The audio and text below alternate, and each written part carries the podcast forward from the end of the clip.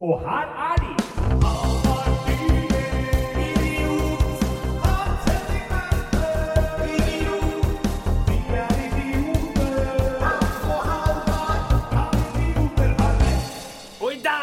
Var vi tilbake!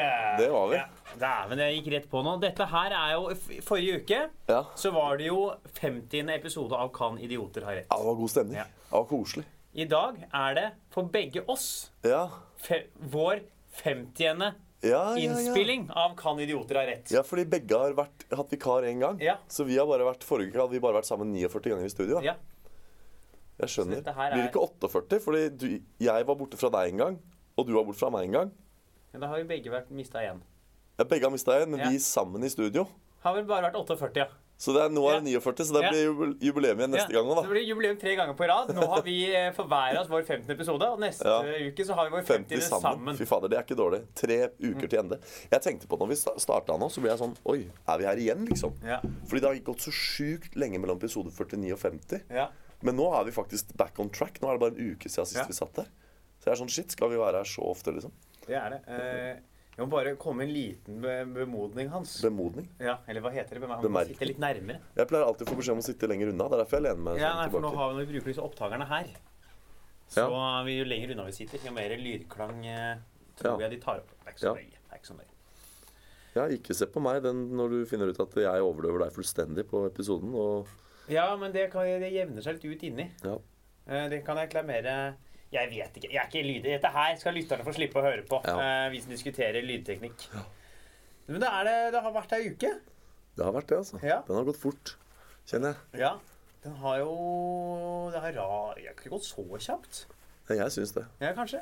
Hva eh, har skjedd for deg? Nei, det har vært eksamensjobbing da, ukedagene, og så har det vært eh, julebordsjobbing Ja. torsdag og fredag. For du har jo bare gjort eksamensjobbing. Eh, Jeg har jobba Ja. litt med eksamen, ja. Som tross alt er om fire dager. Ja, jeg eh, Vurderer å begynne. jeg, jeg har lest gjennom eventyret for andre gang i dag. Ja, for du, du gikk for eventyr. Ja. eventyr. Ja. eh, Og har nå skrevet ned eh, kapitler, lagd sånn sju eh, underkapitler i eventyret. Som jeg har notert meg Ja. ned. ja. Og så tenker jeg at vi da skal prøve å lære oss det i løpet av morgendagen. Ja. Møte opp her og fortelle for noen, og så tenker jeg vi kaller det en eksamen. ja. Nei, men Det er jo bra, det. Du er jo en eh, profesjonell uh, improvisatør. Profesjonell, så ja. Vel, eh, jeg pleier å kalle meg profesjonell forteller, jeg nå, siden det er i eksamensperioden. ja. Ja, nei, men bra. Du har vært ute og Det har jo vært mye jobbing denne uka her. Ja, Det har, Det har det vært mye ute og showa rundt omkring. ja. Jeg var i Drammen på torsdag, og så Ja. gjorde jeg et, eh, en gig for Redd Barna. Som hadde Det var ganske spesielt, for de hadde Det er sånne flyktningebarn. Eller barn og barn. De var fra 13 til 15 år. Men de var som nærmest rett fra mottaket, ikke sant? så de snakker jo ikke norsk. Og jeg eh, er jo viden kjent for å kombinere trylling med skravle. Ja, og? Det er, er, funker ikke så bra når dere ikke har ett eneste felles språk. Nei, og, og liksom ordspill som å trylle med bind for øynene, for så å dra fram et libress damebind og klistre i panna, er liksom ikke helt gjengs humor, tror jeg, for flyktninger fra land sikkert i stor grad muslimsk bakgrunn, Ja. og mye, mange tabuer, helt annen kultur. Og så er det jo ikke en vits som oversettes Altså blindfolded, den, den i ordspillet fungerer jo ikke på engelsk. Det er jo bare norsk den vitsen her kan gå. Så, så det, er- jeg måtte jo åpenbart gjøre noen justeringer. Men jeg, kan jo ikke, jeg kunne ikke gå dit og bare trylle. For mange tryllekunstnere tryller jo stumt til musikk. Og tryllingen i seg selv den er jo visuell, så den trenger du ikke språk for å forstå. Magien Det var jo derfor de hadde booka en tryllekunstner helt spesifikt. Fordi magi går på tvers av språk. Men min magi er veldig sånn pratbetont. Ja. Språkorientert trylling. Ja. Så, så jeg klarte ikke å holde kjeft, så jeg prata masse. Jeg skravla masse. Men heldigvis så var det Det var lærere Ja. på den skolen de gikk, i salen. Sånn at det, det jeg hadde av prat, det ble jo oppfattet av noen. Mens da de flyktningene kan man, er det, det er kanskje rart å kalle dem flyktninger når de, først, når de er i integreringsprosessen. Innvandrerne kanskje er bedre. Nei, det er for man skiller jo innvandrere og flyktninger. Ja, for de er jo ferdig flyktet. Ja, de- De er jo, ferdig, de går på norsk skole. Ja. Eksflyktninger, kan hva er det heter for noe? Nordmenn? Jeg vet Ja. ikke. De i hvert fall så, så um, Uh, de, For de gikk jo på norsk skole og var jo i prosessen hvor det er norsk, så jeg starta med å si sånn her. jeg trodde du var på et asylmottak, jeg. Nei da, jeg var på Å, ja, jeg- hjemmestadion til godset. Men du var på Marienlyst? Ja. Og Han ene, fordi han ene de, som sagt, de hadde lært å snakke litt norsk. Så det var en som kom på etterpå og sa 'Spiller du på Godset?' sa han ene. Så jeg vet ikke hvem, hvem som spiller på Godset som ligner på meg, men eh, Jeg, jeg, følger, jeg så på Godset i dag, jeg. gjorde det. Ja. Ja. De tapte 4-1. Ja, okay. Det cupfinale i Norge. Ja. Så de ble gulltapere. Ja. Jeg så Det var flere sånne plakater inne på Marienlyst der hvor det sto sånne 'sølvvinnere', og så var det bilde av Godset. Ja, men de kom vel kanskje på andreplass. Der gjorde de vel ikke. Nei, men det var i hvert fall det var interessant å, å liksom trylle for folk som snakker veldig lite norsk. Og liksom eh, Det føltes litt Men det var interessant også å liksom trylle på litt nye premisser. Og liksom gjøre de samme gamle triksene, men presentert på en litt ny måte. Og for en helt ny målgruppe. Så det gikk fint. Fint. Jeg, eh, Fattern var på julebord på fredag. Ja. Der var det også tryllekunstner. Var det det? Men det var ikke deg, da. Nei, het han Hans Anna? Nei.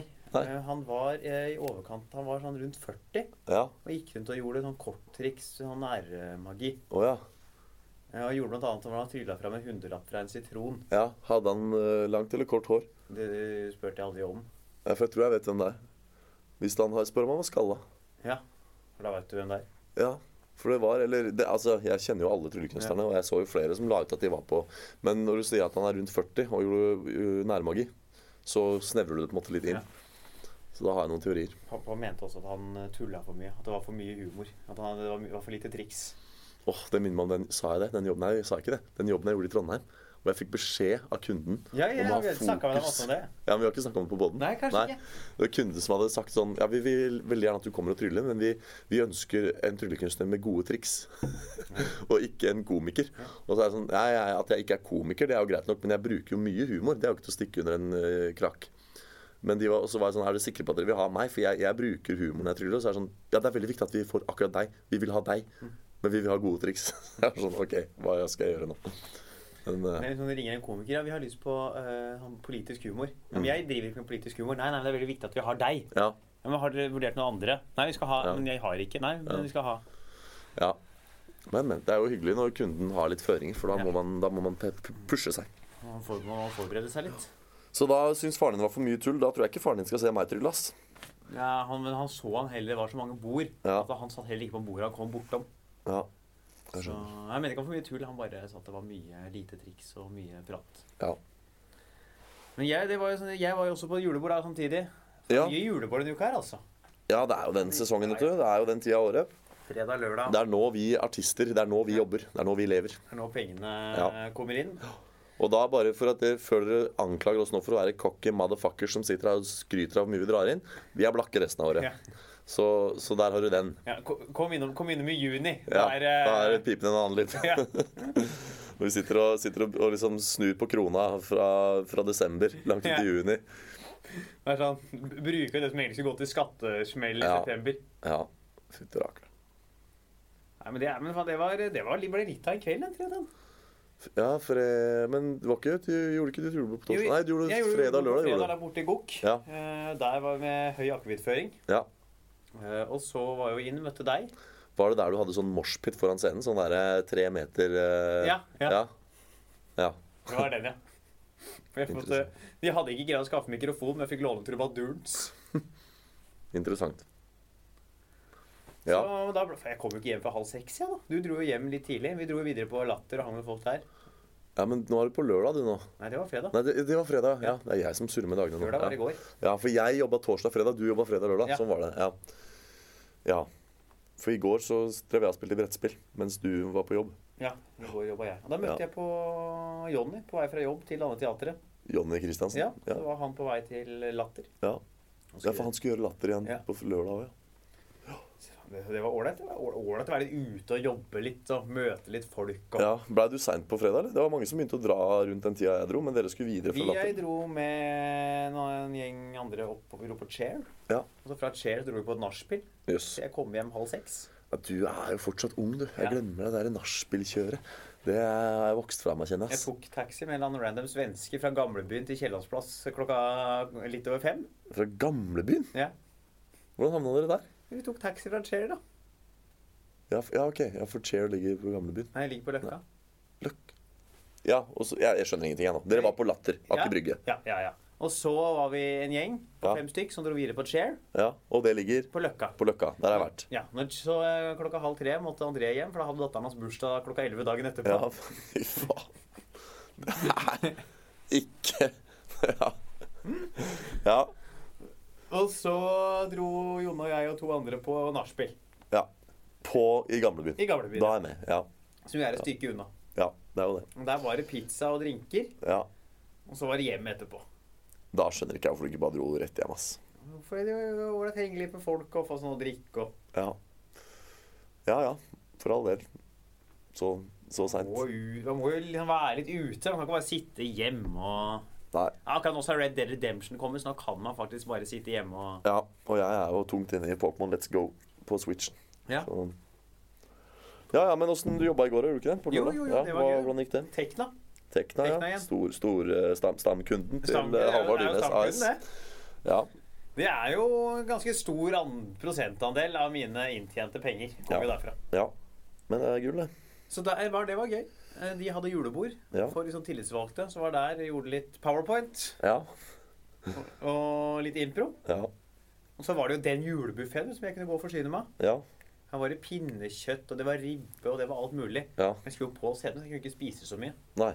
Man kommer liksom en halvtime før. Har man egentlig lyst til å bare Ja. kan jo ikke, Jeg kan ikke komme med liksom ribbefull mage opp på scenen og ha sånne Nei. sure oppstøt og Nei, jeg heller spiser aldri før eh, Eller sånn, jeg spiser jo før Jeg kommer selvfølgelig tidligere, men når jeg er på venuen og får tilbud om mat, så venter jeg at det er ferdig med showet. Ja, det var si ikke. Jeg skulle- rett videre. Jeg skulle Ja. spille Improfors. Ja. På Vandre andre teater. Ja. Åssen gikk det? Fint. Det var uh, veldig mange. Ja. Det er jo malt til eh, jul der nå, så hele scenen er jo hvit. Oh, ja. Hele rommet er jo hvitt, for de spiller jo juleforestilling. Kult. Men jeg tror den heter Tre nøtter til what? Ja. Der de har lært seg øvd inn Tre nøtter til Askepott. Den, eh, Ja. og så er det da hver eh, forestilling så er det da en fra ensemblet som kommer inn og bryter opp i det de har øvd inn. Må være Ja. en eller annen karakter. Så kan plutselig MacGyver komme, midt, komme inn midt i eh, Tre nøtter. ja, jeg skjønner. Og alt mulig rart. Så sånn eh, Så sånn holder vi på. Jeg tror det er utsolgt. Ja, det er ikke alt på datt utsolgt hele tida. Jo, men det blir så gjerne utsolgt på dagen. Dette her Ja. 300 watt er jo nesten utsolgt Ja. for hele sesongen allerede. ja, det er sterkt. Så da må man kaste seg rundt hvis man vil se det. Ja. Kult. Så det er men Er ikke det det som har foregått denne uka her, da? Ja, jeg var jo på fredagen Ja. på, i Lysaker. Ja, det var jo i Lysaker. På Lysaker. julebord til Statkraft. Statkraft, det, var, eh, det var interessant. Det er liksom Du veit at det er seriøst firma. Når innpå, innpå det der eh, konferanserommet jeg hadde som backstage, så står det foran på, på tavla så var det klistra opp en sånn lapp. Hvis du viser sensitiv informasjon, lukk gardinene. Altså, det er sånne antibedriftsspionasjehenstillinger. Vi regner med at det sitter noen fra alle andre. Med Ja. noen kikkerter og Ja, men jeg tenker jo liksom hvis De hadde jo ikke skrevet det hvis ikke de faktisk var genuint Ja, ja. stressa for at det kan skje. Så der er tydeligvis I, i liksom strømbransjen Der driver de med å spionere på hverandre og Energi er mye penger i energi. Ja, ja, det er det, er det altså. Det, er Det var kult. Det var et ufattelig digert kompleks. Det var, de er jo så svære at jeg måtte ha to De hadde delt opp De kjørte to parallelle fester i to kantiner. Og det var 600 meter mellom de kantinene. Jeg så det på Google Fit etterpå. For jeg drev og fløy mellom disse Så jeg hadde fått sånn nøkkelkort med kode, og det var det, det regimet. Det var en veldig sånn spesiell opplevelse å være der. I, føltes som å være på sånn top secret nuclear facility. Ja, sånn der, Ingen veit egentlig hvor man er. Jeg, Og... jeg har sikkert brutt masse Ja. taushetsbelagte ting allerede bare ved å si det jeg har sagt nå om den jobben. Men det var veldig gøy. Det gikk bra. Og ja Måtte kjøre showet på engelsk. In English. Ja. Da røyk eh, bind for øynene-vitsen. Ja, nei, men det, er det som er gøy, for jeg har jo Jeg gjør jo det med bind for øynene, og det gjør jeg åkke som. jeg det på Altså hadde, hadde det vært bare engelskmenn, så hadde jeg kanskje droppa det. Men her er det sånn 95% nordmenn i salen og 5 Ja. engelskspråklige. Og da sier jeg liksom sånn Da gjør jeg poenget til deg. Sier I'm gonna do this blindfolded. Og så tar jeg opp bindet, og så poengterer jeg overfor de engelskfolka at dere som snakker engelsk, dere skjønner ikke bæret nå. Dette gir mening på norsk. Eh, dere må bare spørre de nordmennene på hva som skjedde nå, liksom. Og så er det veldig gøy. Og da ler egentlig nordmenn enda mer, for de skjønner jo i hodet sitt hva vitsen er på norsk. Og så ser de at vitsen forsvinner på engelsk, og så blir det gøy at jeg gjør det allikevel. Og så uh, er det alltid gøy å liksom kommentere overfor engelskmennene hvordan i helvete endte tryllekunstneren opp med et bind i hendene liksom, når han sa han skulle gjøre noe blindfold. Så Det, er, Ja. det var eh, Det kom jeg på et sånne hemmelige steder. Josefines vertshus. Der Ja. er standup hver torsdag. ja. Det pleide jo å være en hemmelig ute, ute, utested. Under krigen, eller? Nei, Og sånn etter krigen. Etter Det var krigen, også et av hovedkvarterene til Milorg under krigen. Ja, jøss. Og eh, det var noe som het Hawk Club som var der. Ja, Hvor det var litt sånne folk som ikke ville bli sett så mye, med mye penger. Ja. Da måtte du ha egen nøkkel, og så låse deg inn bakdøra. Vet du, vi går ut når man er der altfor sent. Ja. Så måtte du låse deg inn selv der. Ja. Så var det fest da, med masse rike, litt eh, lyssky folk Ja, inni der. ja. Nei, det er eh, Jeg sto og reflekterte over det siste jeg var på Josså. Hvis du går opp i andre etasje der, eller oppe der hvor backstage Ja. der, inn utafor garderobeområdet der, Mm. så er det noen sånne ska skapdører du kan åpne. Oppi der så ligger det liksom ting som ser ut som har ligget der i liksom 60 år. Ja, det er- Altså Det er så gammelt, det er så mye historie i de veggene der. Og det er så, det er så mye sjel, da, det bygget. Og det er gammelt. Ja. Det er vel sikkert verneverdig nå. Jeg vet ikke. Ja, Det er ikke mye om å gjøre så. Så Jonny også er blitt. Det er freda. Ja. Blitt verneverdig. Han kan ikke Byantikvaren bare Ja, du, du kan ikke gjøre standup lenger. Du er Du er verneverdig. vern. Så tenkte jeg på uh, om det var det um, Var det noe vi Vi hadde jo med Markus forrige uke. Ja. Og det har vært litt sånn, egentlig vært litt spennende. Vi møter jo han etterpå. Ja. Høre litt med han uh, hvordan det var å høre seg selv. Hvis han har hørt på den. Ja. Jeg jo at du konsekvent ikke hører på de episodene du selv er med på. Det er. Så det er bare to episoder du har hørt. Eller én episode du har hørt. En episode- Jeg har jo hørt, jeg hører jo på når jeg redigerer. Ja. Så jeg får jo med meg eh, ganske mye Ja. episodene. Jeg sitter jo Men- og fikser lyden og sånn. Vet du en annen ting jeg har reflektert over? Jeg, jeg, jeg synes det var så utrolig god stemning her sist. Og det var litt fordi det var episode 50, og litt fordi vi kunne spille live uh, jingle og sånn. Men bare det å ha en gjest, Ja, det det syns jeg vi må gjøre oftere. ass. Skal vi begynne å ha fastere gjest? Ja, altså, for vi trenger, ikke liksom, vi trenger ikke å bli en sånn podkast hvor det er en helt avgjørende komponent. Da tror jeg vi skyter oss sjøl litt i foten. Men bare liksom, av og til, bare sånn for moro skyld, dra inn en gjest, liksom. Kan man gjøre. Ja. Finne, prøve å finne noe neste helg, da. Ja. Men for all del, kjære lyttere, hvis dere er uenige, si ifra. Ja. Jeg har en teori om at det er god stemning med gjest. Og da skal vi rett og slett begynne å gå litt videre, eller? Ja, vi har jo fått streng beskjed om å ikke begynne å grave Ja. på hva som skjer. Vi, har jo, vi fikk, jo, vi fikk jo tilbakemelding eh, direkte, i Direkte studio. tilbakemelding forrige uke. Så det er ikke noe vits i å la det drive. Skal vi se Tirsdag, hva Ja. gjorde jeg da? Jeg skal se, gå gjennom lista her. Hva må hente Ja. mobilen igjen. Jeg Scrolle på Facebook. Hva jeg har. hva skjedde? Er det noe par lagt ut av poster? Ja. Nei, vi kan gå videre, ass. Det er god stemning å gå videre. Hva er, altså det er jo, Vi skal snakke om på Ukesaktuell. Helge Ingstad. Ja. Den derre uh, myteomspunne fregatten som synkende skipet der. Ja. Det er klønete, altså. ja, det er klønete. Og så er det da rett inn i hovedbolken. Ja. Så kliner vi til med Hans. På i hovedbolken. Ja. Uh, Ordresaken! Ordresaken. Ordresaken. Nei, Det er ikke bra. Trappe ned på drikkinga. Da har vi sittet her og spilt inn i 12-13 minutter. 17 minutter, så har jeg glemt allerede hva det var. Og du liksom, du kasta den opp Jeg tenkte du bare slang den opp til meg av sånn radioteknisk Ja, jeg men du hadde glemt det sjøl, så skulle du kaste den opp over til meg, og så hadde jeg glemt det ja, òg. tenkte at nå kan det se både det høres bra ut, Ja. og jeg kommer unna med at jeg har glemt det. Men så hadde du Ja. glemt det, og da røyk jo det helt fullstendig. Ja. Ah, ja. Så ordresaken da, Hvem var det som drepte de folka der? Skal vi komme fram til hvem er skyldige? ja, vi skal finne ut av det, faktisk. Vi, eh, så her, Kripos, bare hør på. Ja. Ta dere en bolle, dere som ikke klarte å oppklare den saken her for 20 år siden. Dette er, uh, dette, denne podkasten her er såkalt fellende bevis ja. i en uh, norsk rettssak. Ja. Så da er vi videre til Helge Ingstad, da. Ja. Jeg var innom en nettavis tidligere i dag. Ja. Og i den, på den nettavisen Ja. så syns jeg det var, artikkel, så var det en artikkel. Jeg syntes det var litt gøy. Det var barnebarnet til den faktiske Helge Ingstad. ja. Som gikk ut og sa 'vær så snill og slutt å assosiere min bestefar med et synkende skip'.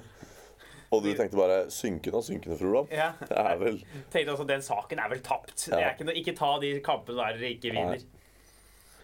Åh, det er så gøy om liksom barnebarnet til Helge Ingstad kommer liksom padle i en sånn der gummibåt ved siden Ja. av. At liksom Helge Ingstad er en fregatt, og så er barnebarnet er en gummibåt. Blub, blub, Sånn der, eh, Helge Ingstad junior junior. ja. Og sånn der eh, redningsskøyta Elias fra Ja. de barne-TV-seriene. Og han sitter ute der og bare 'Ikke mobb bestefaren min'. Er ikke babbaen. ja. Hva er spørsmålet? Spørsmålet er får de hevet den igjen. Ja, eller syng Ja. ned på, ned på bunnen. Ja. Kan vi bare først liksom ta noen minutter og sette pris på hvor jævla sjuk den historien er? Og Ja. bare liksom dvele litt ved det. Det er lov, det. For jeg tenker, Det er jo ikke så jævla interessant om de får den opp eller ikke. Det som er interessant, er jo hvor jævla klønete norsk eh, marine Ja. eh, del altså, av hæren er. Kommer altså med en fire milliarder kroners båt. Ja. Og så greier du altså å krasje rett inn i en olje... eh, hva heter det for noe? Sånn eh, oljetankbåt. Ja, en sånn ta Ja. tankskip, ja. Som flerfoldige ganger annonserte at du må svinge, du må svinge. Og de bare Nei, vi har kontroll, vi har kontroll. Og det viser seg nå, i eh, kjølvannet barampsj, av denne saken, at de trodde de kommuniserte med en landstasjon. På kollisjonskurs. Og de trodde at Ja, ja. De- Har du hørt den der vitsen? Og det er sånn gammel joke. Jeg vet, det er sikkert en nei. De trodde altså at det de fikk beskjed om, var at dere kommer til å krasje med land. Ja, det fins en sånn gammel eh, joke. Jeg vet ikke om det er en vandrehistorie eller en urban myth, eller om det er bare en, en vits, men det er liksom sånn et, et utskrift av radiokommunikasjon da, mellom, en, mellom det som man tror er to båter. Og så sier den der ene sånn 'Du må dreie, vennligst drei'. Og så sier den 'Nei, nei, nei, jeg skal ikke dreie'. 'Jo, jeg henstiller deg nok en gang om å dreie'. Og det svarer sånn 'Jeg er den største Det verste er at den historien her er denne vitsen satt i system. Er, denne situasjonen med Helge er denne vitsen spilt ut. Så sier den der andre båten sånn ah, 'Jeg er den største og mektigste båten i hele den amerikanske marinen. Jeg foreslår at du dreier'. Og så svarer den andre 'Vel, jeg er et fyrtårn. Jeg foreslår at du dreier'. Ikke sant? Så viser det seg at det, det er kommunikasjon mellom båt og et fyrtårn, og åpenbart kan ikke fyrtårnet flytte seg. Og det er akkurat det som har skjedd her. Helge Ingstad har trodd at at, det liksom, at, at den oljetransporten var eh, Så det er ikke helt sånn som vitsen, da, men de tenkte at du er på land. Selvfølgelig skal ikke jeg dreie. Jeg har full kontroll. Så de sa at nei, det var en grunn til at de ba deg dreie. Du Men så de ikke båten engang? Nei, jo ikke Hvis det kommer en svær, diger tankbåt mot deg, bør man ikke se det? Det skulle man tro. Jeg har eh, faktisk, Akkurat dette har jeg lest litt om. Og det viste seg det da til, til fregattmannskapets forsvar at da de øh, fikk de første anropene fra øh, tankbåten, så lå tankbåten til kai. Det vil si at Da er det veldig vanskelig å se den, for det var mørkt. og De så lysene fra båten og de så lysene fra havneområdet rundt. Det de til gjengjeld så også, var tre vanlige båter litt lenger eh, på uh, babord side som kom oppover. Og så antok de at det var en av de båtene som kalte på dem. Og så, idet de begynte å komme på kollisjonskurs med den oljeriggeren, da hadde den sakte, men sikkert begynt å kjøre ut fra kaia. Men da er det på avstand vanskelig å se akkurat Fordi den, det går fortsatt litt i ett med bakgrunnen. Og bare for noen minutter siden så sto den helt stille. Så svaret er at nei, de så den faktisk ikke. De, den begynte å nærme seg sakte, men sikkert. Øh, Men fokuset deres var på de tre andre båtene på Babors side, som de hadde kontroll på. De var ikke på kollisjonskurs med dem. Dette her er klønete. Det er, det er klønete. Og nå ligger den jo da og skvulper i fjæra et eller annet sted. Ja. Jeg, jeg tenker jo liksom, Uansett hvor mye kontroll du tror du har Hvis, hvis noen insisterer så jævlig på at du skal snu Hvis, no, hvis noen sier sånn Nei, nå Hvis du liksom for, for femte gang sier Du må svinge, vi krasjer Og så bare hever du deg over og tenker Nei, det gjør vi nei, ikke nei, jeg skal ikke svinge, jeg! Nei. Det er ikke bra, altså. Men hvordan er det man hvordan er, altså, Det er jo svære skip. Det, Ja. skipet er jo svært. Det må jo være masse våpen og sånn inni der. Ja, jeg tror det er en grunn til at det koster 4 milliarder kroner, Ja. for å si det sånn. Det er mye um, Har du forresten merka hvor mye maritime nyheter har vært på norske nyheter i det siste? Har det Om- mye? Kanskje det har det? Ja, det? det er sånn herre Det var en sånn derre flyte... Hva heter det? En lekter i Bergen. Det var en lekter som hadde sunket. Bare uka etter Helge Ingstad. Og så var det en ny, ny fregatt som hadde krasja. Og så var det noe Det, Det var en redningsskøyte som kjørte på land her for litt Ja, og jeg, satt, jeg husker jeg satt og så på nyhetene her forrige uke, og så tenkte jeg sånn Herregud, nå Dette er dårlige tider for norske marinteknikere, tenkte jeg. Nå er det liksom sånn, nå er søkertallene på NTNU gått ned. Nå er det ikke populært å være søke på Marintek i Trondheim. Nå er det liksom For det var så sykt mye sånne, sånne marine flauser, da. På en og samme gang. Kanskje det kanskje er eh, plutselig har kommet inn et sånn nytt kull nå. Ja. I alle sånn tilfeller. sånn der nye folk i militæret, nye redningsskøyter har kommet inn samtidig. Så er det bare Eller- tabbe, eller tabbe, sånn- tabbe, tabbe. De som ble uteksaminert fra marinteknikk i år, Ja. 2018, dvs. Si for fem år siden, i 2013, de som starta på marinteknikk Dette er en shout-out til alle sivilingeniører som søkte seg inn på marinteknikk på NTNU i 2013. Skjerp dere. Og så en annen shout dere. Meld dere gjerne inn i Tekna og krev, krev flere arrangementer som avsluttes med underholdning. Det er uh... Så får dere besøk av Halvard Dyrnes med en skreddersydd powerpoint. yeah. Da- Som snakker om uh, tilstanden i Ja. norsk marine. Kom, jeg er, lufte, jeg er ute og lufter powerpointen min, da. Ja. Ja, ja. også endre for Lars Hansen. ja. Ja, ja, ja. Nei, men uh, pokker heller, Halvard. Uh... Det er jo du som på en måte er eksperten her i å heve sunkende skip. Ja, jeg Du, at har eh, jo hevet, du, du hadde jo sunket skip eh, kalt personlig økonomi, Ja, som på en måte nå har begynt å heve seg. ja, og hele karrieren Ja. min også, egentlig, har jo vært, eh, har jo vært en tryllingens Titanic. Ja. Men er nå i ferd med å reise seg og bli en tryllingens Jeg vet ikke, jeg. Altså, Elias. Danskebåten. Ja, danskebåten. Ja, som er gøy fordi det trylles på danskebåten. Uh, nei, men jeg, altså, jeg tror jo de eh, vil klare å heise den båten, hvis det er det de vil. Ja, jeg, Eh, jeg, fordi- jeg vet ikke hvordan gjør man det. Nei, det vet jeg ikke. Det er mange metoder. Du kan jo for eksempel, En metode er å fylle den med luft. Altså sånn ballonger. Rett og slett gå inn, i, Eh, inn dykke Ja, ja, ja. inn i, i båten med sånne luftelementer og blåse dem opp. Ja, det er en barnslig fyr som har funnet på det, ass. Ja, men det funker visst Ja. veldig bra. da. Visste du forresten at det, hvis du har Ta en båt som Color Line, da. Og du har eh, Se for deg at liksom, nedre, nederste dekket av båndet er helt åpent, et helt åpent rom. Så skal du ikke ha mer enn liksom en centimeter med vann i hele før den mister stabiliteten fullstendig. Fordi det arealet er så stort at den lille, den lille lille eh, vannmengden, da, 1 cm, men bredt Ja. utover et stort område, det tilsvarer mye vann, vil være nok til at når det vannet begynner å skvulpe fra side til side, så drar det- med seg hele båten ned. Ja, det skal veldig lite til. Så, så det med det å fylle en båt med, med luft er jo faktisk en måte å heve den på som funker bra. Så du tror de får den opp?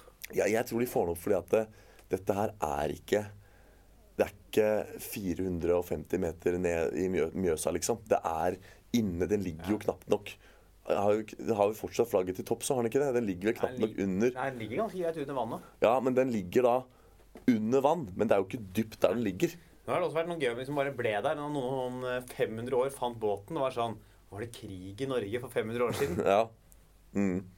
Nei, jeg er ganske sikker på at de får den opp, både fordi at den Jeg tror ikke den er særlig vanskelig å få opp med tanke på hvor den ligger, og så tror jeg det er så stor interesse for å få den opp. Fordi hvis du, hvis du mister en sånn billig transportjolle ute i Bermudatriangelet, Ja, så veit du at det, for det første går det bra, for det andre er det alt det er, Du har ikke noe å hente på å få den opp, annet enn at det blir jo marin forsøpling av det. da men her er det liksom Tenk deg, Dette er jo til og med Det er jo et krigsskip. Det må jo være masse hemmeligstempla greier der. Yeah. Masse hemmeligstempla teknologi og de, Jeg tenker de er nødt til å få den opp, på en måte.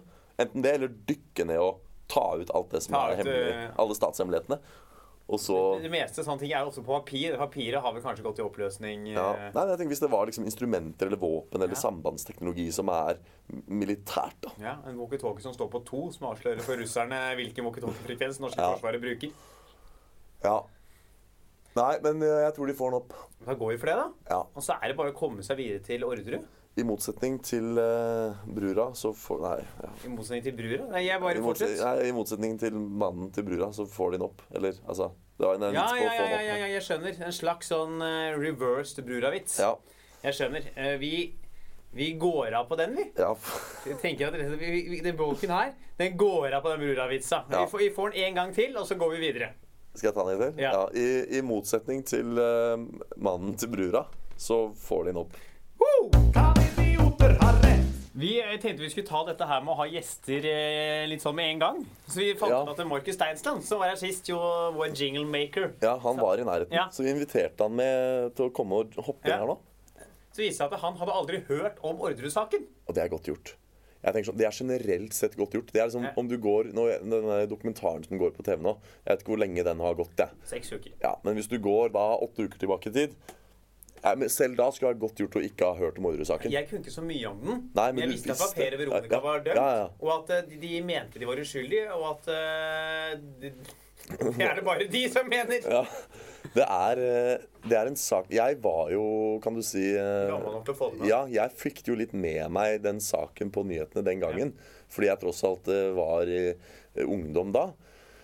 Eh, Men jeg mener også at på tross av det så, så ville jeg visst litt om den. Men i hvert fall nå, i kjølvannet av denne programserien, så vet man hva Orderud-saken er. Men det vet ikke Markus. Skal vi ta en liten sånn kjapp recap av det som har skjedd Ja. eh, i Orderud-saken? Ja. Da ser vi drapene, hvis folk ikke kjenner til det. Jeg tror folk kjenner til det, men vi gjør det I kjapt og mai i 1999 Ja. så ble eh, foreldrene til Per Orderud og hans søster Anne et eller annet Orderud Ja. skutt og drept på natta i kårboligen på Orderud gård. Ja. De ble skutt med nakkeskudd. Ren henrettelse. Først Ja. liksom i mageregionen, og så et sånn, ja. sånn ekstraskudd i nakken etterpå. med to forskjellige våpenkalibre. Mm, Eh, under denne perioden her så var det en disputt om hvem som skulle få gården, og om Per skulle få den gratis av sin far. Han og foreldrene og, og søsteren hadde ikke snakket med hverandre på to år om denne konflikten. Mm. De eh, per og Veronica hadde forfalsket noen papirer som viste at Per hadde fått kjøpt den. Mm. Og de skulle nå snart opp i ny ankesak, hvor de da tydeligvis var redd for at det ikke skulle gå. Etter det så ble det en rettssak hvor Per og Veronica og Kristin, Veronicas søster, og hennes daværende kjæreste Lars Grønnerud ble dømt for medvirkning til drapene. Mm. Men man vet da altså ikke hvem som skjøt, og det er ingen som er dømt for selve drapet, kun medvirkning. Noen av bevisene som ble lagt fram, eh, var at eh, under julaften 98 så skal Lars Grønnerud ha tatt med noen våpen opp på Orderud gård som skal ha blitt brukt til å skyte. Det skal ha vært en mann som ringte til 1880 og mente han ville drepe dem i pinsen. Og det var eh, jo funnet denne sokken som var funnet der, noen skoavtrykk som han mente man kunne spore tilbake til Lars Grønner og deretter Per og Veronica. Er sånn forskjellig som er lagt fram. Dere som kjenner saken, kjenner den jo. Dere som ikke kjenner den, kan jo Ting kommer jo litt fram underveis her. Ja. Så vi skal snakke om hvem vi tror er skyldige her, da. Mm. Da Jeg, jeg tror jo, Når du trekker frem skyldspørsmålet her, så tror jeg for så vidt dommen er helt riktig. ja, ja, ja, ja. Jeg tror alle de tre eh, altså Det er jo en historisk sak at det liksom nå har det gått så lang tid, og hele rettsprosessen er ferdig, og dommene er ferdig sonet. Men det er stadig ingen som er dømt for mordet. Men vi har snarere da tre, er det tre stykker? Fire. som er dømt for medvirkning. Og da kan det jo hende at noen har vært jævlig heldige her. At det var en eller to av dem som faktisk sto for La oss si to, da, siden det er to forskjellige våpen også. To av dem faktisk begikk mordene og på en måte slapp unna, kan du si. Eh, og greide å lure rettsvesenet, lure etterforskerne og lure dommerne. Og på en måte da bli dømt for noe, noe mildere, da. Men, men jeg tror minst de har medvirket. Ja, jeg Alle fire. Hun er Veronica. Ja. Ser de intervjuene med henne. Ja. Hun virker jo sånn Nei, jeg hadde jo ingenting med disse drapene å gjøre, jeg. Nei. Jeg er jo helt uskyldig tømt, Mm. jeg. Hun hører bare på tonefallet hennes fra de opptakene fra rettssaken og ljuger jo. Så det renner av seg. Ja, jeg, det jeg derimot har eh, Jeg har ikke sett liksom på hele den serien der. Men det lille jeg har sett, så får jeg jo en følelse av at det, dette kan være leiemordere.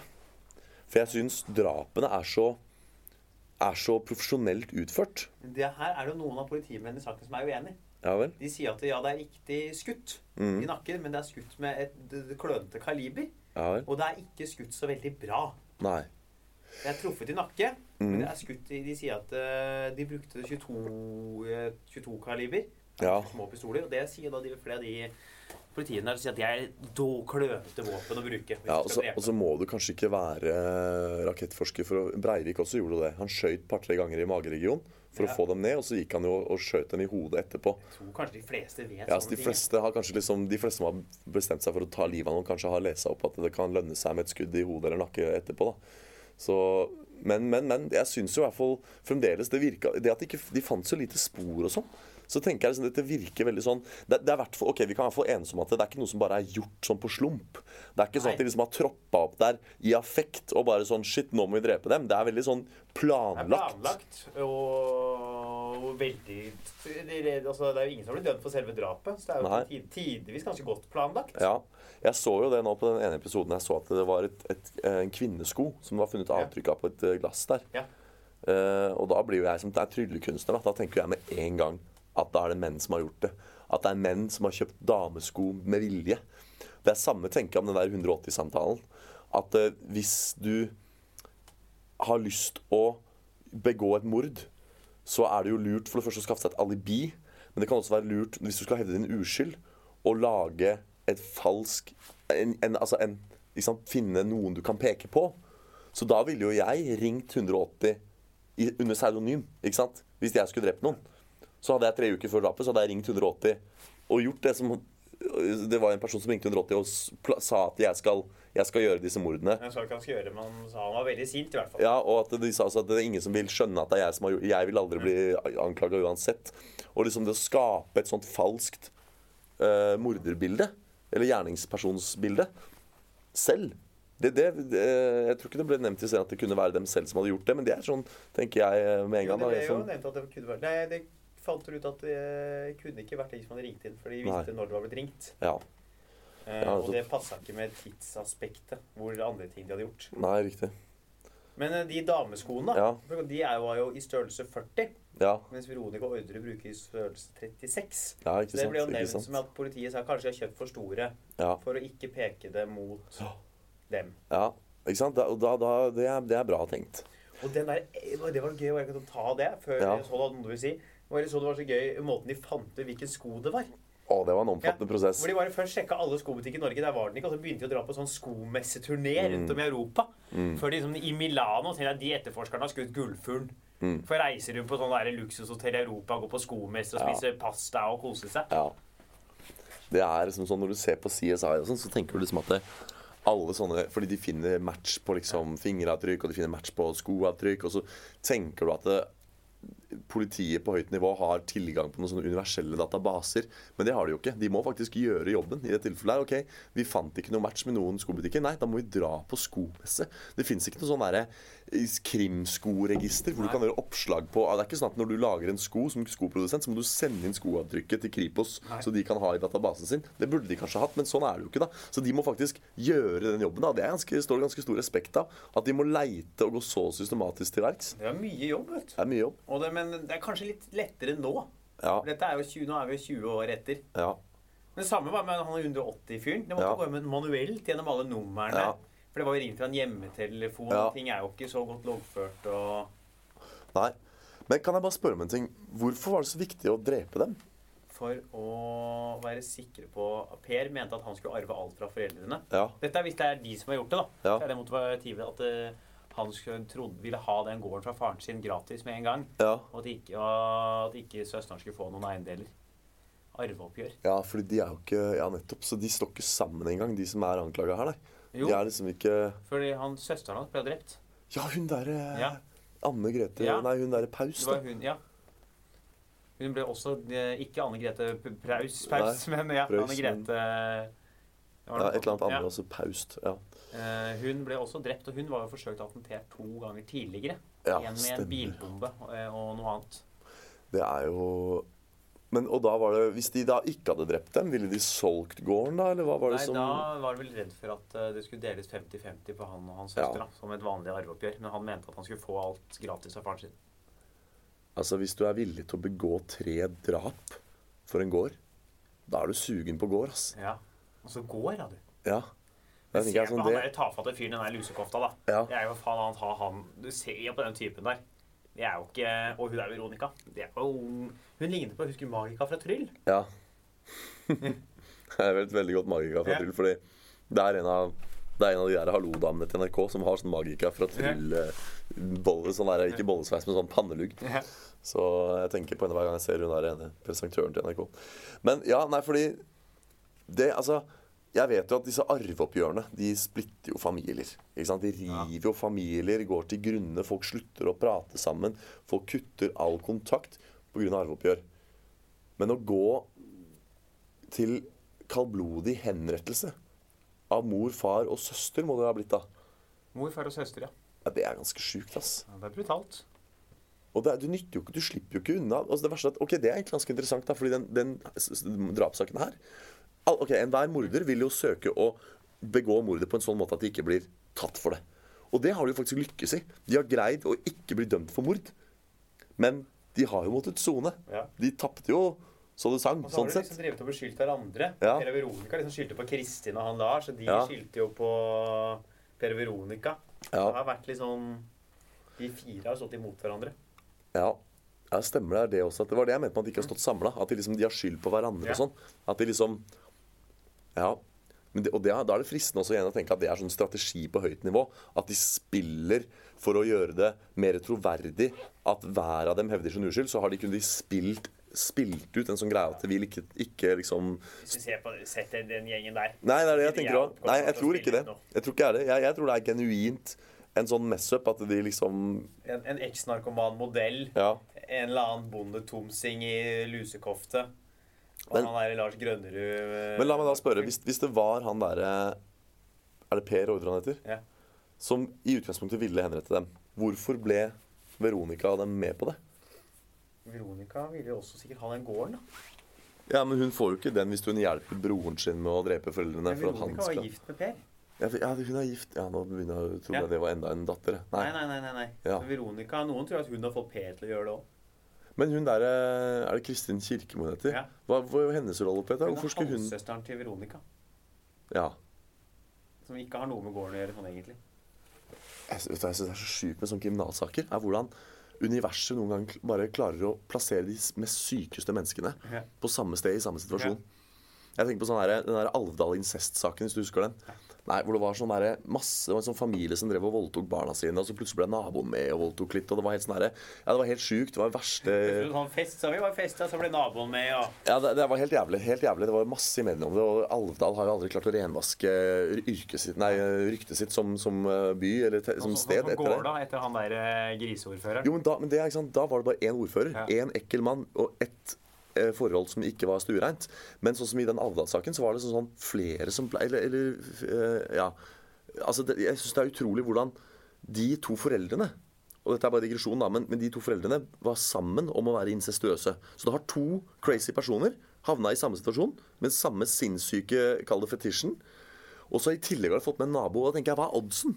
Hva er oddsen for at tre så sjuke mennesker er havner i samme lille tettsted? Den er skyhøy.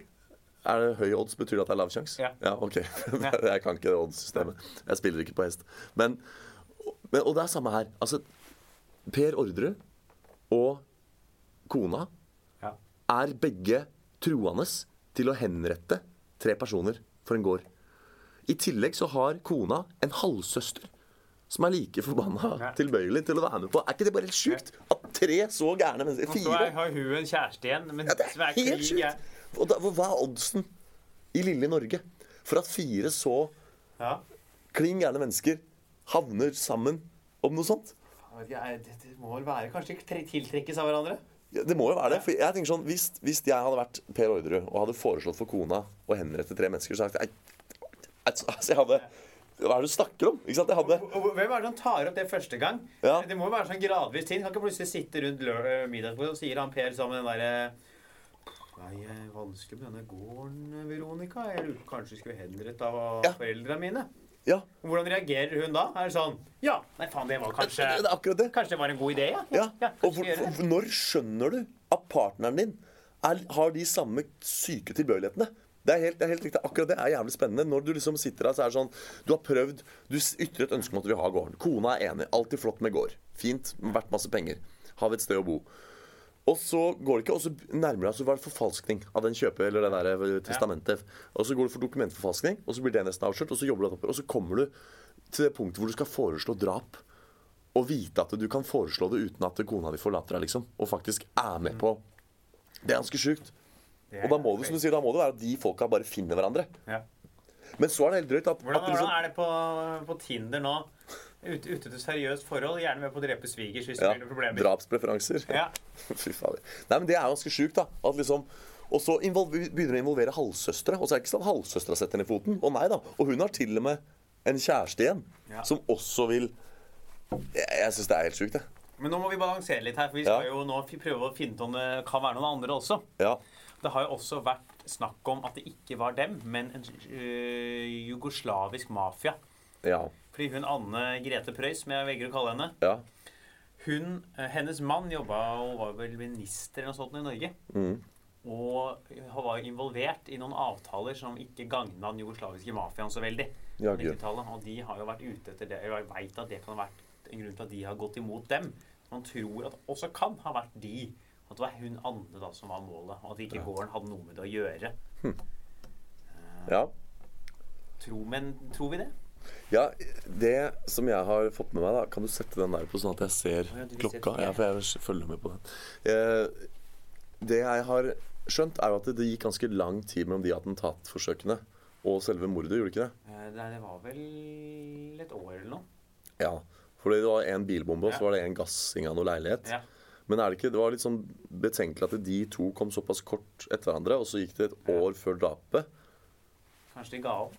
Ja, og så plutselig prøvde igjen. Ja. Men, er liksom, men er det, ville de være villige Fordi, ok, still deg heller spørsmålet Først prøver de å ta attentat på hun Og så plutselig skal de ta hun og foreldrene Er ikke det, hvis du først har drept henne Da funker det dårlig å straffe henne med å ta foreldrene hennes i tillegg Det er jo, vi kanskje er vitner, da. Og ikke skal etterlate vitner. ja. ja, for hun var på gården Hun var jo i samme hus. Ja, ja En avsidesliggende gård er jo et bra sted å ta livet av noen. Ja, men ok, dette er interessant Tror du at de der jugoslavene Kanskje ble tatt litt på Vet man noe om hvem som døde først? Vet man noe om hvem som ble drept først? Jeg vet at hun eller han ene hadde ligget ganske lenge. Ja, hun Mora døde jo sist, for hun De bomma Hun skulle skyte nakkeskudd på henne. Ja, Så bomma de. ja, Gikk gjennom nakken, så hun blødde i hjel. ja. Uh, men jeg husker Fordi hvis vi, hvis vi sier at den Jugoslav-teorien er riktig, at det var den mafiaen som ville drepe henne pga. noen avtaler, så kan det hende at de dro til gården for å drepe henne, og så var det sånn Oi, her var det visst to til. Vi må drepe dem òg. Men så visste de at det var to til. Det var Ja. bare visste at vi skulle ta alle. Bam, bam, bam. Ja. og dra. Ja. Nei, jeg vet ikke. Fester du noe litt til den teorien, eller? Jeg kunne gjort det, men de, bare, er bare, de, de, de, de ser så skilte ut, de der Per og Veronica. Du ser Ja. intervjuene med dem. Og øya, har du sett øya til han fetteren til Per? Han med de der vidåpne øya. Nei. Er sånn, jeg tror, han, han har liksom øyne som er eh, lest H.C. Andersen-eventyret. Det er øyne som store som Tinntallerkener. Ja. Han ser klin gæren ut. Den der slekta er jo klin gæren. Dette er grunnen til at, man, eh, at eh, drapssaker prøves for et eh, rettssystem i Norge, og ikke, for, eh, ikke på idioter-podkast. Det er ikke sånn her, eh, de, de ser så skyldige ut. Ja. Da, da dømmer vi dem. Ja, men det, på, altså, det var jo På det tidspunktet her så var det fortsatt juryordning i Norge. Det var jo hvorvidt du så skyldig ut eller ikke, hadde jo faktisk en påvirkning. Ja.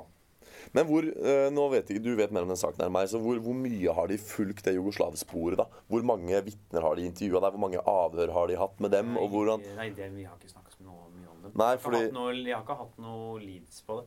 Nei. Nå er det- han der advokaten til Per og Veronica som prøver å få det, for, få det opp igjen. Den Mm. saken er på nytt. Han påstår, hevder og har snakket med flere som har navngir eks-jugoslaviske mafiaen. Ja. Men det, er ikke noe, det var ikke noe politiet så veldig nøye på Nei. under originalsaken. Nei, for det er jo interessant, det òg. At hvis de hvis de velger å ikke etterprøve de påstandene i noen vesentlig grad, så, så ja, hvem vet da hva som Ja. Så det veit man jo For det, er også, det gir jo mening at de For jeg tenker at en Jugoslavia-mafia er flinkere til å begå et systematisk planlagt mord og etterlatt seg lite bevis Ja. enn en random bondefamilie her. Så Men hun eh, Kristin Kirkemo Mhm. hun hadde jo vært i kontakt med den jugoslaviske mafiaen. hadde det, ja. Hun hadde hatt noe med dem å gjøre på et tidligere tidspunkt i livet. Jaggu. Jeg tror også en teori er om at det er de som sto bak, men at de fikk den jugoslaviske mafiaen til å gjøre det for seg. Ja, for Det det er litt en ment i den tidligere episoden da jeg nevnte Ja. dem at jeg trodde det var leiemordere. Så var det litt det jeg mente. At det er definitivt Altså motivasjonen for å begå mordene kommer fra ordrefamilien. Det handler om den gården, det handler om det arveoppgjøret. Men at de har på en eller annen måte engasjert noen profesjonelle til å gjøre det. Og så sier du at det ikke er så profesjonelt Ja, for det som jeg så på den serien, for jeg også hadde hørt den teorien på forhånd, Ja. så var det noen i politiet som var litt tvilsomme til det. For hvis de først hadde leid inn profesjonelle, Mm. hvorfor er det så Klønete utført. For det er masse bomskudd og Ja. Men da ville de jo slått fluer i to fluer i en spekk hvis de liksom bestemte seg for å få noen til å gjøre det. Og så tok de da jugoslavermafiaen, som allerede hadde en vendetta Ja. mot hun derre Paus, da. Og så kanskje de var litt sloppy fordi de ikke var Ja. vant til å Jeg vet ikke. Nei, det er vanskelig. Jeg er i hvert fall sikker på at de har vært med på det. De der eh, Per og Veronica. Ja, det tror jeg, altså. Hvorvidt han der tussemikkeren og hun der Magika for Tryll var inni der og skøyt, det er jo eh, et annet spørsmål. Det er jo noe med den der vitsen til Henrik Fladseth, Ja. som for så vidt skriver seg fra tilbake til lenge før denne Ja. dokumentaren er ble laget, om at eh, selvfølgelig er de skyldige. fordi når, når VG og dem har vært og intervjua dem i fengsel, Ja. så er de helt rolige. Ja. Og, er sånn, og så sier han hvis jeg hadde vært uskyldig og pressen hadde kommet inn i fengselet, så hadde jeg faen meg gått bananas. Hjelp! Ja. Og, det, og det tenker jeg at hun der Magika fra Trylla Jeg har også sett noen klipp fra den der serien hvor hun har en sånn stoisk ro. Ja. Og så tenker jeg sånn wow. Men hvis du er uskyldig dømt for medvirkning til drap altså det, det er ikke liksom sånn det er ikke us, det, er- Du er ikke uskyldig dømt for medvirkning til stjeling av en Stratos på Narvesen. Det kan jeg også takle, liksom. Men du er uskyldig dømt for medvirkning til drap. Det er ganske drøyt. For dine egne svigerforeldre. Og du har sona herre hvor mange år, liksom. Ja. Og så står du der og er sånn her Ja, nei, jeg har ikke gjort det. Jeg tenker sånn, Det er jo Det er ganske sjukt, da. Det virker som de bare skal ha renvaska navnet sitt for å kunne gå videre. Det er aldri snakk om at vi vi vil ha erstatning. Nei. Det er sånn at vi vil bare ha renvaska navnet vårt, sånn at vi kan fortsette å Ja. Hva gjør man? Hva slags karriere skal man forfølge? Du du er foredragsholder. Hun har blitt prest. Hun er blitt prest, ja. Ja. Men det er jo foredrag, det er, det er jo foredragsholder må ja. være det reiser rundt og holde, ja, og holde det foredraget Ja. om liksom den saken. Han tror hvordan Joshua det- French det reiser jo rundt nå og holder foredrag. Ja. For det er jo, folk vil jo ikke ta i sånne folk med ildtang engang. Det er, det er spesielt. Jeg, jeg, jeg tror det er de, jeg. Ja, jeg også tror det. Men, men ikke sant? Ja, men nå, hva hva, egentlig skal vi fram til liksom, hvem som skøyt? For det har vi jo ikke, det Nei, klarer vi vi jo ikke å svare på. om eh, det stemmer eller ikke, dette her. Ja, jeg, jeg tror det stemmer sånn som det står nå. De er De er skyldige på en eller annen måte. Jeg også at to av de fire har vært inne og skutt. Ja, Det er Ja. vanskelig å si hvem. ja jeg likte jo Likte, sier jeg, det derre skoavtrykket. Eh, Det syns jeg var ganske fellende. Jeg, jeg tror ikke de hadde de, de var jo så flinke til å ha raggsokker utapå skoene og var veldig godt planlagt, men akkurat de der skogreiene, det tror jeg ikke var planlagt. Og jeg tror ikke de Igjen, vi tryllekunstnere bruker avledning av oppmerksomhet. Misdirection er mitt felt. Du kan plante feil skoavtrykk der for å avlede politiet, men så oppe og nikker tror jeg ikke de har vært. Jeg tror ikke, veldig mange steder. ja, det er, det, altså, det, er ikke, det er ikke intensjonelt. Og dermed så har de en ganske fellende indisium der, da. Men de skoene er vel noen som mener at de kunne bevise at Lars Grønnerud hadde skaffa. Ja, Så vi Men går da- for at det går jo for at det er riktig. ja Da blir det det som blir konken, da. Ja. De er skyldige. Så da er det norske rettssystem. Hører dere på? Dette her er fellende bevis. Ja. Men Har dere noen andre saker som trengs å tas? Vi kan gjøre det. Og ikke bare det, men når gjenopptakelseskommisjonen nå bestemmer seg for å etterprøve denne saken på nytt, så må dere bruke denne episoden her som bevisgrunnlag. Og få høre her at det selvfølgelig er eh, Vi har gjort det tindrende klart at de er skyldige. Sånn er det blitt. Så da sparer vi dere for en del jobb der. Der kan vi spare norske stat for masse penger. Ja. Vi kan bruke på tiltak vi ikke trenger. Ja, Som idrettshaller og kunstnerhaller, og vi må da også ha det haller. Ja. Nei, hva skjer? Skal du gjøre noe show denne uka her, da? Jeg, eh, jeg tror jeg skal ha noen Det er jo desember. Jeg har sikkert noen julebord eller noe noen Noe gigs. Ja, du står på Henriken på onsdag. Og gjør jeg det? Det var bra du sa, for det Jeg hadde ikke jeg jeg fått med meg. invitert nå til eh, Hans Henrik Joakim og Skagen. Stian dreper det. Hvilken Joakim? En som heter Joakim Jønes. Ja, det kan hende jeg har dobbeltboka med det. Og så han, skriver han fortsatt Hans Henrik med bindestrek. Og det er ikke akkurat Jeg kan. Ja. Eh, Jesus, ja. Vi Ja. kan snakke om rest, Vi kan snakke om det etter vi har skrudd av mikrofonen. Ja. Jeg eh, Ja, kom på Henriken. Ja. Onsdag. Eventuelt kan komme på Dattera til Hagen. Der er jeg. Ja. Ja. Eh, og så Jeg gjør politisk, noe som heter Politisk aften på BD57 på Gjør torsdag. du Politisk aften? Ja. Ja. Det skal vi skal Ja, ja, gjøre ti minutter ø, politisk standup før pause. Halvard Dyrnes, samfunnsdebattanten Ja. og eh, samfunnskritikeren Halvard Dyrnes. Sylskarp satire om rikets tilstand. Og så blir det noe politisk impro etter pause. Ja. Men er det da sånn flåsete sånn 'nå må Erna slanke seg', eller er det liksom faktisk politiske vitser? Jeg vet ikke. Nei. Eh, vi får se. Jeg har ikke skrevet noe ennå. Ja. For jeg, jeg syns jo du er veldig morsom, men jeg, jeg forbinder deg jo ikke med liksom sånn samfunnssatire. Nei, eh, jeg gjør lite satire. Jeg var med i et satirisk radioprogram en gang i tida. Ja. Skrev noen satiriske sketsjer. Ja. Eh, Men det er lenge siden nå. Ja. Vi får se hva det blir. ja. Hvis ikke så har jeg et julebord på fredag. Snik deg inn der. Ja. Der skal jeg også skrive vitser til. Faen, jeg må, Ja. skrive, jeg må skrive 40 minutter denne uka. Å, herregud. Det misunner jeg deg ikke. Og lage en eksamen. Ja.